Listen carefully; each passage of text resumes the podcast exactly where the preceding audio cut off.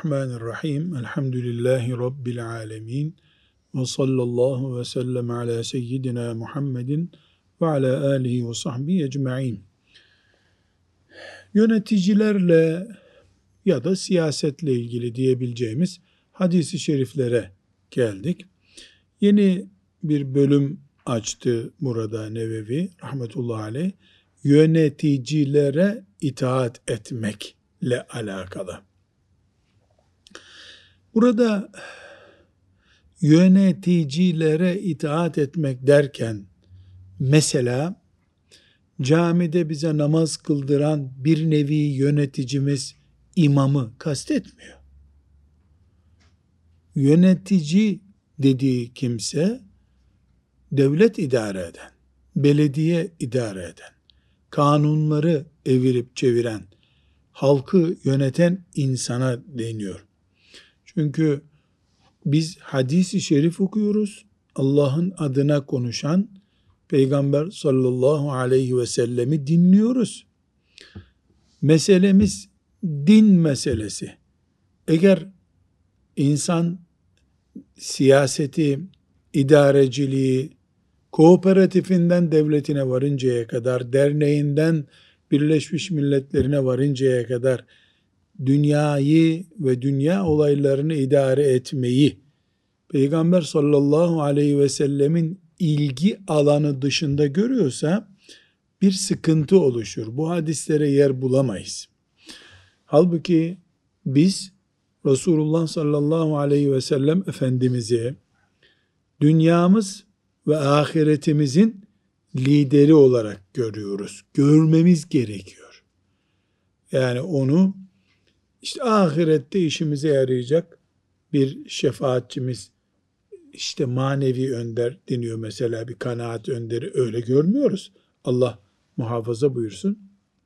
Bu sebeple hadis-i şeriflerde çok net ifadelerle yöneticilere itaat etmekle ilgili emirler var. Müslüman başıboş, hiyerarşi dışı kalmış insan değildir. Müslüman kuralların yürümesinde itaati olan insandır. Zulme de boyun eğmez, başıboş, e, kuralsız bir insan da olmaz Müslüman. Nitekim bundan önce okuduğumuz hadisi şeriflerde Nevevi yöneticilere hitap etmişti. Resulullah sallallahu aleyhi ve sellem adil olmalarını onlara emretmişti. O da onların bölümüydü. Demek ki yöneticiye de söyleyecek sözü var. Dinimizin yönetilene de söyleyecek sözü var. Çünkü yöneten de yönetilen de Müslüman. Burada şöyle bir ayrım yapmamızda fayda var. Şimdi Efendimiz sallallahu aleyhi ve sellem İslam toplumuna hitap ediyor. Ümmetine hitap ediyor.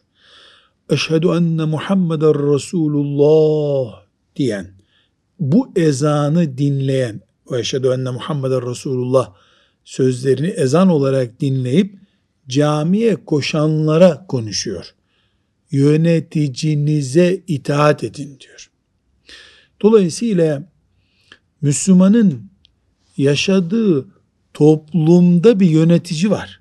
Bütün toplumlarda olduğu gibi. E, bu yöneticinin Müslüman için koyduğu kurallar, kanunlar vesaire e, Müslümanı bağlıyor. İki alternatif bunun aksine düşünülebilir. Birincisi Müslüman Müslüman olmayan bir toplumda yaşıyor. Orada da yönetici var. Resulullah sallallahu aleyhi ve sellem ona da itaat et diyor mu? Bir. iki toplum İslam toplumu ama Haccac gibi bir adam ele geçirmiş yönetimi.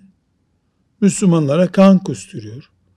Allah peygamber dışında kurallar koyuyor.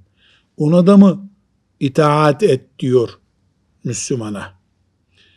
Yani burada üç şey tespit etmiş olduk. Bir, Müslümanın kendi toplumu var. Orada bir Müslüman var. O Müslüman kendisi gibi Müslümanları yönetiyor. Zaten temel kanun, Kur'an, Peygamber sallallahu aleyhi ve sellemin sünneti, ümmeti Muhammed'in e, parlak geçmişindeki hatıraları e, bir örf olarak devam ediyor. Burada Müslümanların bir sorun yok. Müslüman burada hiçbir şekilde kanun dışı adam, kuralsız adam rolünde olamaz. Olursa e, biraz sonra göreceğiz e, vebale girmiş olur. İkinci alternatif Müslüman, Müslüman olmayan bir toplumda yaşıyor. Ezan yok, Kur'an yok, Allah peygamber diye bağlayıcı bir nesne yok. İşte bugünkü batı toplumları ya da bugün Çin'de yaşadığı gibi bazı Müslümanların veya e, mesela işte filan yerde Afrika'da e, zalimin biri yönetimi ele geçirdi. Aslında halkın büyük bölümü Müslüman ama insanlara e, zulmediyor. Kendi ailesini ayakta tutuyor, e, çalıyor, çırpıyor, ırkçılık yapıyor, siyahları ayırıyor, beyazları ayırıyor. Ki bugün herhalde Salih hemen hızlıca say desem bir 30 ülkede böyle bir sorun var değil mi? Yani 50'den fazla halkı Müslüman olan ülke var. 30'unda bu sorun var. Yani böyle bir ülke ismi zikretmeye gerek yok ama Afrika böyle dolu. Orta Doğu ülkelerinde her yerde böyle bir sorun var. Ee, burada Müslüman yani madem Peygamberimiz sallallahu aleyhi ve sellem yöneticiye itaat edin dedi. E şimdi mesela Arakan'daki Müslümanlar e, din mi değiştirecekler yani? Namazı yasaklıyor, orucu yasaklıyor veya işte filan yerde e, filan mezhebe geçeceksiniz diyor. Batılılaşacağız diyor. E bunlar itaat edecek mi Müslüman? Burada elbette birinci pozisyondaki gibi yani halk Müslüman, yönetici Müslüman, Kur'an-ı Kerim'in emrine uyuluyor. Bir sorun yok. Ama ikinci ve üçüncü alternatiflerde sorunlar var. Bu sorunlarda Müslüman e, derler ya deli dumrul. Deli dumrul gibi sokağa çıkması gerekmiyor Müslümanın. Ne yapıyor o zaman? Kendi imanını koruyor. Direkt Allah'a isyan olan işlerde e, yani itaat etmeye meyli olmuyor. Kerhen silah zoruyla itaat ettirilirse e, mecbur kalıyor. Bunun çok çarpıcı güzel bir örneğini verelim. Mesela Batı ülkelerinin büyük bölümünde e, öğrencilerin ilk öğretimde filan yüzmeleri yasa gereği zorunlu. İşte bilmem kaç saat onu tam bilmiyorum. Sonra sen bunu duydun mu? Kaç saat yüzerse sen oralarda hocalık yaptın bilmiyorsun mu? İşte herhalde bir 50 saat yüzme yüzme belgesi almadıkça 50 saat diploma vermiyor sana. Diploma vermeyince anayı babayı çağırıyor savcılığa. Bu çocuğa niye diploma almadın diyor. Bu ciddi bir kanun baskısı. Şimdi buradaki Müslümanın e, çocuğunu madem böyle boş ver deyip e, reşit olmuş çocuğunu kadın erkek kız karışık bir yüzme salonuna göndermesi söz konusu değil. Müslüman alternatifler arıyor. E, buna rapor bulmaya çalışıyor, bulamıyor. Artık tıkandı Müslüman. Yani böyle bir durum var. Bir de bu kültür böyle artık diyecek bir kültür var. E, hiçbir zaman Müslüman için çağ değişti, kültür yenilendi, bundan sonra böyle diye bir evham olamaz. Bu o zaman dini satmak olur Allah muhafaza buyursun. Ama burasına geldi Müslümanın yapacak bir şey yok. Ya hapse girecek ya da çocuğunu misal yani bu her için geçerli değil okula gönderecek diyelim. Daha e, üzücü bir örnek İran'da yaşayan bir Müslümanın yani belli e, Şii anlayışına e, müsamahalı bakmadığı sürece hayat bulması mümkün değil. Büyük bir baskı var. Oğluna hayatta Ömer ismini veremeyeceksin orada. Yüz tane kızı olsa insanın bir tanesini Ayşe diyemiyorsun. Yazmıyor nüfus idaresi. Böyle bir isim yazmıyor. Üstelik de seni yasal suç işleri sayıyor. Yani bir de böyle bir yer düşünelim. Hep Müslümanlar huzur içinde olacak halleri yok. E, bu dışarıdaki bir toplumda olmaktan olur. İçeride bir belaya uğramış, bir Allah'tan bir bela gördüğü için böyle durumlara düşmüş bir Müslüman toplumda olabilir. Burada Efendimiz sallallahu aleyhi ve sellem yöneticilerinize itaat edin buyurdu diye paldır küldür öğren, hepimiz teslim olacak halimiz yok. O mevcut yasalarını zorlayacağız. Rapor almaksa rapor almak, miting yapmaksa miting yapmak, yasal talepte bulunacağız. Ama çoluk çocuğumuzu da onların tankların önüne atmanın da bir manası olmadığını görüyoruz. Buna e, yöneticiye karşı isyan etme diye hadis kitaplarında, akide kitaplarında bölümler var Salih. El, el hurucu alel eimmeti diye bölüm var. Akide kitaplarında bile var. Yani caiz midir, değil midir diye. Cumhur ulema yani ümmetin alimler birliği madem dinin e, uygulanmıyor adam faize e, serbestlik getirdi, zinaya serbestlik getirdi. Çoluk çocuk toplanın çıkın diyen alim yok. Şartları kollama. Yani yaşadığın çağın, yaşadığın coğrafyanın, kendi gücünün. 300 kişi 10 milyonluk bir toplumda karşı çıkıyorsunuz. E ne olacak ki? Nefesle boğacak seni karşındaki. Evet Allah yolundadır. Ama Allah yolunda durup nüfus çoğaltıp biraz daha güçlü olmak da düşünülebilir. Burada işte alimler devreye giriyorlar. Ümmeti Muhammed'in e, o nesli, o coğrafyada, o, o zaman dilimindeki nesli e, oturup e, hangisi daha Müslümanlığın lehine? Bir nesil mi kaybedelim burada? Yoksa oturup kendi iç eğitimimizle ayakta mı duralım? Oturup ümmetin alemleri bir duygusallığa kaçmadan, grupçuluğa kaçmadan, yani kendi özel menfaatlerini ya da kısır döngü görüşlerini e, öne sürmeden ümmetin maslahatını, o neslin maslahatını düşünerek karar derler ki bizim burada bir çıkış yapmamızın hatta miting yapmamızın hatta bildiri yayınlamamızın bile bir anlamı yok. Ters tepecek bu. Herkes çoluk çocuğunu büyütsün, iman üzere büyütsün. Allah bize bir çare verinceye kadar e, bir çare bulalım diyorlar. Bu buna bu gruba e, zalıma karşı çıkış yasağı diye bir kural getiriyorlar. Fakat her halükarda yani ümmeti Muhammed'in cihadı yok saydığı bir durumu düşünmüyoruz hiç. Yani cihat ortamı oluşur. Topraklarına ümmetin kafirler geldi lan o zaman maslahat diye bir şey olur mu ya? Adı üstünde e, adam Çanakkale'den giriyor.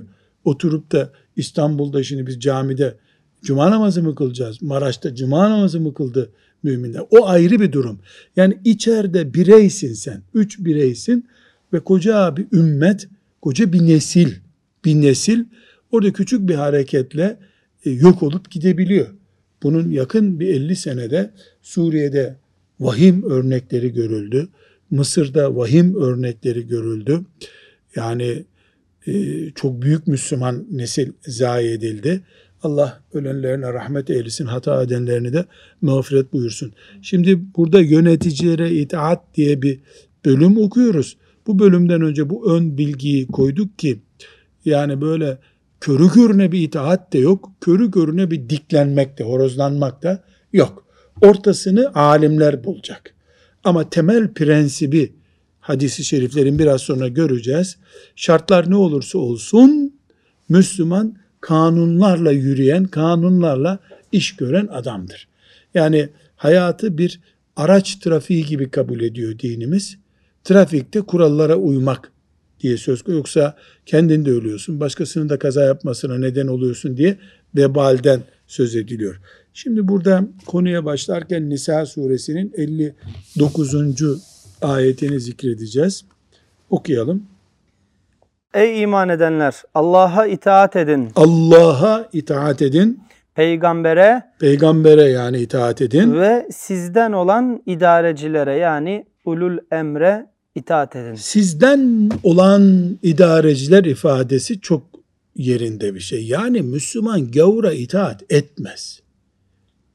Çünkü kafir Müslümanın dinine uygun olan bir şey istemez. Bu şüphesiz trafikle ilgili konularda değil. Ama işte eğitimde ortaya çıkıyor, gıdada ortaya çıkıyor. Yani domuzu, e, domuz ürünlerini tavuk yemi olarak kullanmayın. Almanya'da kime anlatacaksın bunu? Kime anlatacaksın? Dolayısıyla Almanya'da sen garipsin. Ne yapacaksın? E, gıda maddelerine bakacaksın. Ona göre yiyeceksin, içeceksin eğer orada yaşamak zorundaysan. Ama Mısır'da, Katar'da, e, Kuveyt'te, Suudi Arabistan'da da herhalde e, tavukların yeminde böyle bir sorun var mı yok mu diye e, incelemeden yaşayacak hali yok Müslümanın. Veya Türkiye'de. Türkiye layık bir ülke olabilir ama e, devlet başkanları, yöneticiler camilere namazlara geliyorlar. Dolayısıyla biz Müslümanlar olarak yasalar ne diyorsa hakkını araması vatandaşı için e, tavuklarda bunu istemiyoruz biz. Yani bu, bu ülkenin madem kahır ekseriyeti Müslümandır, domuz mamülü bu ülkede kullanılmasın. Demezse Müslüman, e, öyle İslam ülkesiyiz demekle savunamaz. Çünkü yönetici bir noktada e, dalgınlığına gelebilir. Böyle bir şeyin üretildiğinden haberdar olmayabilir. Dış siyasette yoğundur, ekonomik krizleri vardır, kendi sağlık sorunları vardır. Dikkatinden kaçmıştır. Birisi böyle bir ürün ithal etmiştir. Müslümanlar dinlerine sahip olacaklar. Yani bu bir üründen örnek verdik. Bunun yüzlercesi mesela eğitimle ilgili olabilir. E, belediyecilikle ilgili olabilir. Nerede olursa olsun Müslüman hayatın insanı. Burada Hafız Salim benim bizzat duyduğum bir şey değil ama bizim zamanımız gençliğimizde çok duyardık bunu. Allah rahmet etsin Necip Fazıl çok davaları vardı. Ee, ağır ağır cezalardan yargılandı. Herhalde de bir bölümünü ödemeden gitti ahirete. Hapis cezalarının. Ee, bir mahkemede belli ki e, hakim Kur'an'dan bilen bir adam Necip Fazıl'a hitaben demiş ki ama ben yani bir yazıda okumadım. Kulaktan kulağa duyduğum şeyler. E, Necip Fazıl demiş. Allah Kur'an'da ulul emre itaat edin yani devlet başkanına itaat edin diyor. Sen niye itaat etmiyorsun? Yasalara aykırı yazıp çiziyorsun dediğinde Allah mağfiret etsin Necip Fazıl. Yani işte onun için yaratılmış demek ki. Hakime diklenmiş. Öyle demiyor demiş. Sizden olan yöneticiye itaat edin diyor demiş. Yani senin başkan dediğin bizden değil yani biz ümmeti Muhammediz. Adam dini yok. Mahkemede bunu söylemiş. Büyük ihtimalle tescil edilmiştir yani. Vedat abi sen avukatsın. 60 sene önceki mahkeme kayıtları aransa bulunabilir mi? Eğer özel şekilde saklandıysa bulunabilir. Belli bir onların saklanma süresi mi var? E, var ama onlar özel yargılamalar, özel kişilere ait olduğu için bulunma ihtimali vardır diye düşünüyorum. Hmm. İşte yani Allah rahmet etsin bu sözü söylemiş. Belki kayıtlarda vardır geçtiyse hakim kayım. Bunu böyle dediyse kayıda geçmiş midir bu? Yani işte gerçi meleklerin kaydına geçmiştir. Gerisi de önemli değil. Bu çok güzel bir nükte ama Necip Fazıl şey yapmıyor yani yeni bir şey icat etmiyor orada. Hakimi uyarıyor. Her gördüğün yöneticiye değil, sizden olan yönetici. Sizden derken bizim köyden manasında değil o tabi. Yani e, sizin dininizden, sizin toplumunuzdan olan yöneticiye diyoruz. Bunları anlarken son bir nokta daha hadisi şeriflere geçmeden zikretmekte fayda var. Yani Müslümanın enerjisi ahirete imanıdır. Şimdi yöneticiye itaat et diyorsun. Ya yönetici çok vergi koyuyor. Yönetici işte biz dedik bizim köyün yolunu yapmadı. Niye ben buna itaat edeyim? diye düşünüyoruz. Burada ben Allah'ın emri, peygamberin emriyle Müslüman toplumda huzur olsun diye e, anarşi çıkarmıyorum, huzursuzluk yapmıyorum ve itaat ediyorsam bunun karşılığını Allah'tan bekliyorum. Ahiret diye bir yatırımım var benim. Aksi takdirde bu dünyada kimse kimseye üç gün itaat edemez. Çünkü bir tarafa veriyorsun öbür taraf istemiyor. Öbür tarafa veriyorsun burası istemiyor. Yöneticilik. Bir, zor bir şey yani Hazreti Ömer radıyallahu anh diyor ya ateşten gömlek. Gerçekten ateşten gömlek. Hem de böyle lazer ateşi gibi bir ateş. Yani normal ateşte değil. Ama Müslüman ahiretten bek yani umudu oldu mu? Rabbim bana cennette karşılığını verecek diye umdun mu? İşleri asan oluyor o zaman. O zaman itaat etmekte bir sıkıntı oluşturmuyor. Evet 664. hadisi şerife geldik Salih Hoca. Şimdi Bukhari ve Müslim'den aynı zamanda Ebu Davud, Tirmizi, Nesai ve İbn Mace'deki hadisi şerifi okuyalım, dinleyelim bakalım. İbn Ömer radıyallahu anhuma'dan rivayet edildiğine göre Peygamber sallallahu aleyhi ve sellem şöyle buyurdu. Bir Müslümanın günah işlemesi emredilmediği sürece sevdiği veya sevmediği bütün konularda devleti yöneten kimseye itaat etmesi şarttır. Bir günah işlemesi emredildiği zamansa kimseyi dinleyip itaat etmez. Bir daha okuyalım bu siyah puntolu bölümü Hafız Salim. Bir Müslümanın günah işlemesi emredilmediği sürece Yani Allah'a isyan olan bir iş değil emredilen şey. Sevdiği veya sevmediği bütün konularda devleti yöneten kimseye itaat etmesi şarttır. Bir günah işlemesi emredildiği zaman ise kimseyi dinleyip itaat etmez. Burada net bir kural koyuyor Efendimiz. Bukhari'de, Müslim'de ve diğer hadis kitaplarında yani güneş gibi parlak bir hadis bu. Zaten ashab-ı kiramın da Allah onlardan razı olsun hayatlarında bunu görüyoruz.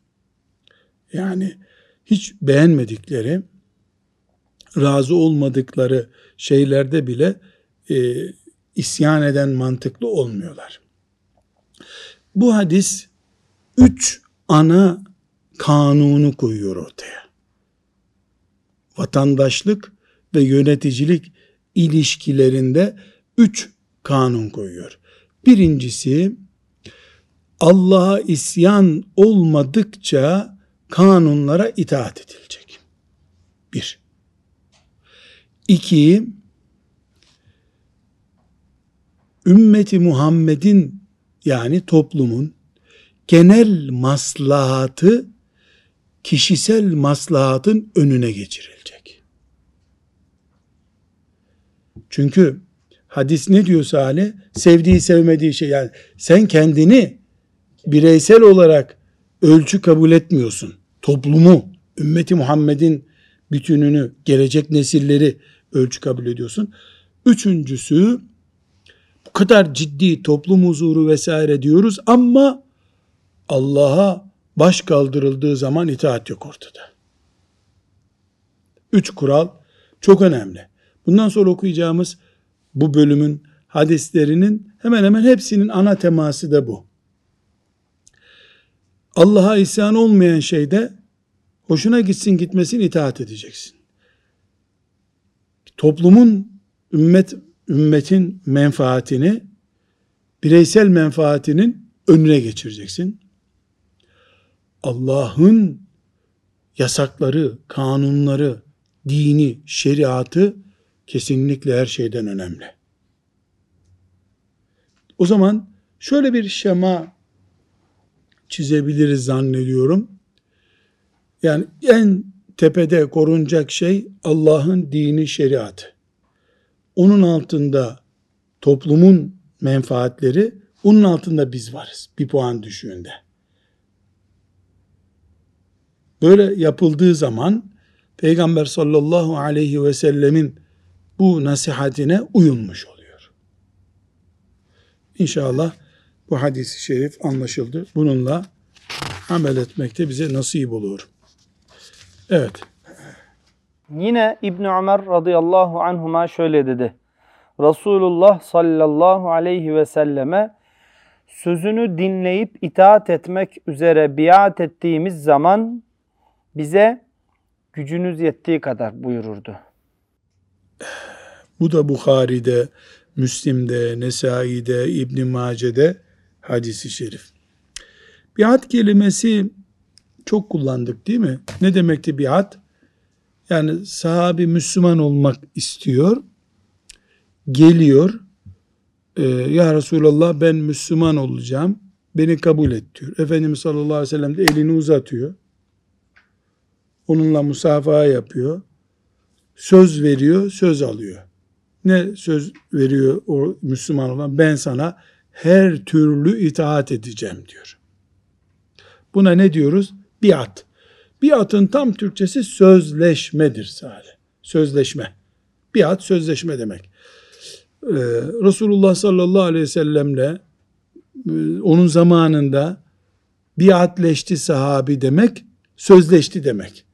Burada iman ediyor, itaat edeceğine söz veriyor. Şimdi bu haberi veren sahabi ne diyor? Böyle bir sözleşme yaptığı zaman sallallahu aleyhi ve sellem umumiyetle karşısındaki tabi duygusal geliyor. Yani işte kötü günlerinde olmuş, yeni iman etmiş, orada ashab-ı kiramı görüyor, kalabalığın önünde heyecanlanıyor. Biraz şöyle diyelim, yani olup olmayacağını belki düşünmeden tamam ya Resulallah, tamam ya Resulallah, tabi tabi tabi hepsini yapacağım gibi bir havada veriyor. Efendimiz sallallahu aleyhi ve sellem ne yapıyor? Gücünüz yettiği kadar ama buyuruyor. Gücünüz yettiği kadar. Burada iki temel kural çıkarıyor bu hadis-i şerif. Birincisi Efendimiz sallallahu aleyhi ve sellemin merhameti ortaya çıkıyor. Nasıl olsa söz veriyor. Söz verdi adam. Buyurmuyor ne yapıyor? Bakıyor karşısındaki kaldırabileceği bir şey değil bunun. Ama o o andaki heyecanıyla peygamber görmüş, peygamber aleyhisselamla buluşmuş. Adam uçuyor. Ayakları yerden kesilmiş gibi konuşuyor. Efendimiz sallallahu aleyhi ve sellem onu ne yapıyor? Gücünüz yettiği kadar. Yani sen söz veriyorsun ama gene gücün. Bu Efendimiz sallallahu aleyhi ve sellemin ne kadar merhametli, ne kadar şefkatli olduğunu gösteriyor. İkinci önemli husus, dinimizin de en temel prensiplerinden birisi Allahu Teala hiçbir insana kaldıramayacağı yükü yüklemiyor demek ki. En güzel örneği bu. Yani geliyor adam ben itaat edeceğim, cihad edeceğim, sen emredersen yapacağım artık ne konuşuyorsa Efendimiz sallallahu aleyhi ve sellem tamam demeden önce gücünüzün yettiği kadar ama buyuruyor. Çünkü sen namaz kılmaya gücün yeter diyorsun. Hastalanınca ne olacak? Gücün yettiği kadar kalacaksın. Oruçta da böyle, cihatta da böyle. Her şeyde gücün yettiği kadar. Peygamberler bunun en güzel örnekleridir. Nuh aleyhisselam Allah'ın emrettiği kadar mı yapabildi, gücünün yettiği kadar mı? Gücünün yettiği kadar yaptı. Yapabilse hanımını kurtarırdı. İbrahim aleyhisselam babasına hitap edemedi. Gücü yetmedi. Eğer gücümüzün yetmediğinden de Allah hesap çeker, sorarsa bize, İbrahim aleyhisselam geçemez sıratı o zaman. Babasını niye tesir etmedi? Peki, burada çok esnek bir e, zeminde konuşulacak bir mesele var. Gücüm yetmedi diye bir slogan kurtarıyor mu insanı? Ha, burada söz bitiyor. Allah ve kalp baş başa kalıyor. Müminin kalbi diyelim beyni olarak anlaşılsın. Yani düşünme merkezi. Onun ne kadar gerçekten gücünün yetmediğini, ne kadar uykusunu bozmak istemediğini, ne kadar işte arkadaşlarından mahcup olduğu için bunu yapamadığını, yani gerçekten bir güç yetirebilme oranımız var bizim. Bu oranı bizden iyi Allah biliyor. Yarattı çünkü. Bize koyduğu kapasiteyi biliyor. Yani bu kula ben şu işleri yapacak kapasite verdim. Kul ise şu kadar da bıraktı. Gücü yettiği için, yetmediği için mi oldu bu? Ortada bırakmak yoksa daha hoşuna giden şeyler mi oldu? Mesela ee, yakın zamanlar bir misafirimiz oldu Salih. Sizi keşke görüştürseydim. Adam bir hastalık tedavisi görüyor. Dört senedir sabah namazına kalkamıyor. Günde iki ilaç alması gerekiyor 12 saat arayla. Dolayısıyla sabah ve akşam alıyor. 11. saatten önce uyanamıyor bir daha. Böyle değişik bir şey. Yani zannediyorum nörolojik bir sıkıntıydı. Hastalığın adını da e, dinlemiştim, onu unuttum. E, sabah namazı bir türlü rastlamıyor yazın. Ye diyor ilacı işte 16 saate çıkaracağım mesela 16 saat sonra alacağım. Doktor ona izin vermiyor. Yani namazı sabahleyin kılmayı özledim hocam deyip gözleri yaşardı. Dedim ki bir dakika. 30'lu yaşlarında birinde bir Müslüman. Sen daha önce bu ilaçtan önce namaz kılıyor muydun dedim. Ne demek hocam ben buluğ çağından beri kılıyordum. Hala kılıyorsun merak etme dedim. Hala kılıyorsun. Bu Riyazu Salih'in başında hadis-i şerifte ne buyuruyor Efendimiz sallallahu aleyhi ve sellem? Bir mümin bir işi yapmaya devam ederdi. Allah'tan gelen bir özürden dolayı yapamazsa melekler ne yapıyorlar? Yaptı diye yazıyorlar. Ona tavsiye ettim. Kalkar kalkmaz hemen uyanır uyanmaz abdestini al. Kılıyorum hocam dedi. Tamam dedim. İnşallah ilacı bıraktığın zaman da e, bu namaz sıkıntısından da kurtulursun dedim. Şimdi güç yetmeye bir örnek mesela değil mi? Çok güzel bir örnek. Bu mümine Allahu Teala sorar mı kıyamet günü? Niye sen sabah namazına kalkmadın? Gücüm yetmedi ya Rabbi uyanamıyorum. Yani iğne batırıyormuş hanımı mesela anlamıyormuş onu. O derece. Halbuki iğne batırmak da doğru değil. Yani o iğneyle veya başka bir elektrikle uyandırdın mı uyanma değil o yani. Doğal uyanıyor olmak lazım sabah namazına kalkmak için. Şimdi bunu düşün. Bir de gece e, dizi film izlediği için geç saatlere kadar sabah namazına gücüm yetmedi kalkmaya diyen Müslümanı düşün. Aynı mı Hasan Hoca ikisinin özrü? Be- benziyor mu birbirine bunlar? Bir değil mi? Ama ben kendimi inandırıyor olabilirim. Kalkamadım diye. Niye kalkamadın? İşte çok misafirlikte oturduk. Çay içtik, kahve içtik. Yani biz kendimizi ikna edebiliriz. Önemli olan melekleri nasıl ikna edeceğiz? Çünkü melekler de kayıt tutup duruyorlar. İşte şu saatte şunu yaptı, böyle yaptı. Ala külli hal e, hadisi şerif siyasette de gücümüzün yettiği kadar idare, idareden söz ediyor. Yani idareci emrediyor. E benim gücüm yetmiyor. Gerçekten yetip yetmediğini Allah biliyor. Dolayısıyla vicdanım rahat. Devam ederim. Çünkü biz zaten her ne kadar idarecinin hapishanesi, vergi cezası gibi tehditleri olsa da asıl korktuğumuz Allah'tır, ahirettir. Bizim kabirden korkuyoruz asas.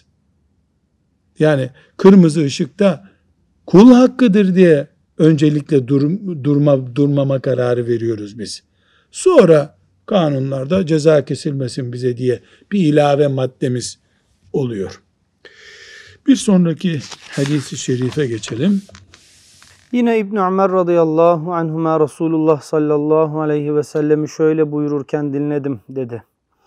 Kim bağlılık sözü verdiği devlet başkanına karşı sebepsiz yere itaatsizlik ederse kıyamet gününde Allah Teala'nın huzuruna tutunacağı hiçbir delili bulunmaksızın çıkar.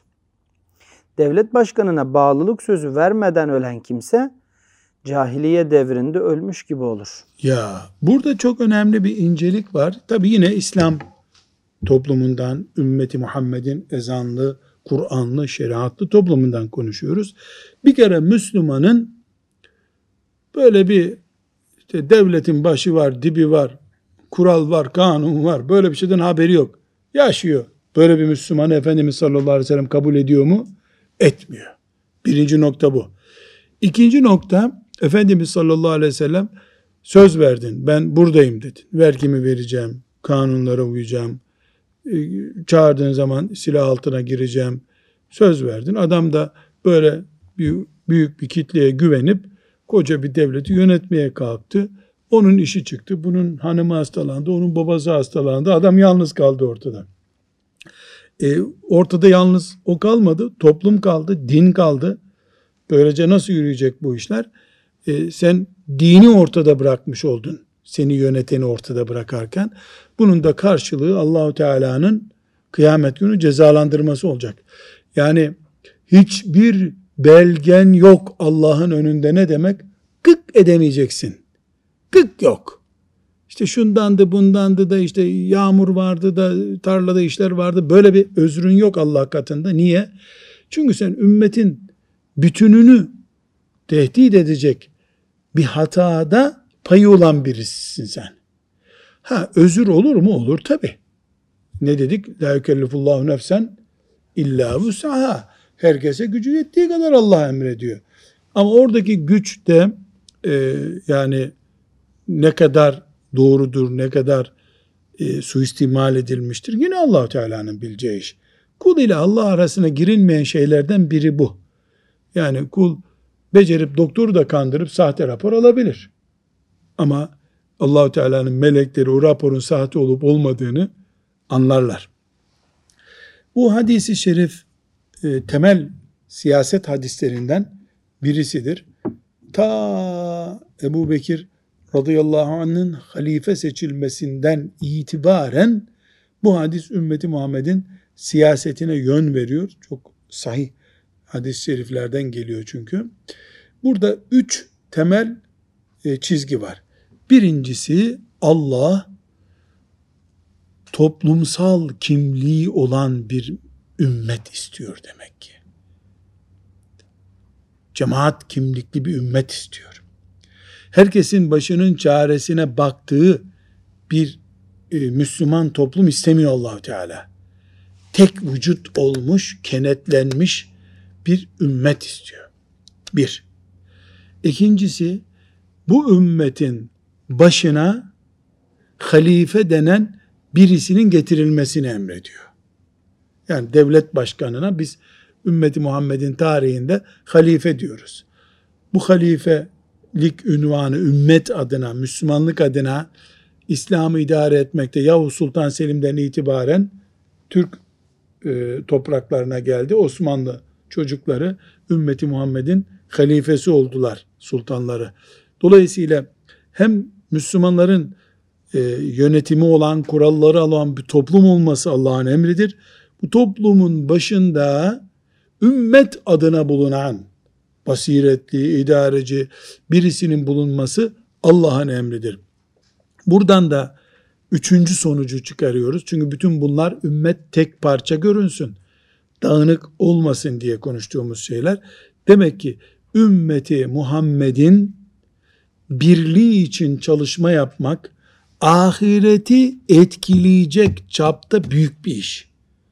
Yapılırsa sevap bakımından ihmal edilirse de azap bakımından tehlikeli. Çünkü ifade nasıl? Ee, devlet başkanına bağlılık sözü vermeden ölen kimse yani bir halifeye elini uzatıp ben ümmetin halifesi olarak senin peşindeyim demeden ölen kimse cahiliye devrinde ölmüş gibi olur diyor. Cahiliye devri ne demek Salih? Resulullah sallallahu aleyhi ve sellemin peygamber olmadığı dönem demek. O dönemde Müslüman olarak ölmek mümkün mü? Değil. Demek ki sanki, sanki kafirler gibi ölür gidersin ümmeti Muhammed'in birliğiyle ilgilenmeden ölür gidersen. Veya bu birlikte var iken sen bırakıp gidersen. Peki burada bir sorunun cevabını bulalım. Bu hadis-i şerifi iyice anlamış oluruz inşallah. Ee, yok böyle bir şey. Müslümanlar böyle bir kültürü de unuttular. Herkes derebeylik ilan etti, keyfine bakıyor. O zaman bunun oluşması için çalışacağız. O zaman asıl vazifemiz bunun oluşması için. Yani abdest namazın farzı diyoruz. O zaman gidip su bulmakta ne oluyor? Farz oluyor. Eğer allah Teala ümmeti bu hadisi şerifte tarif edildiği gibi görmek murad ediyorsa o zaman bunun için çalışma yapmak. Siyasette, güçlenmek için, ziraatte, ticarette, e, sosyal ilişkilerde neredeyse artık ümmet davasını sahiplenecek. Yapacak başka bir şey yok o zaman. Ve sallallahu ve sellem ala seyyidina Muhammedin ve ala alihi ve sahbihi ecma'in velhamdülillahi rabbil alemin.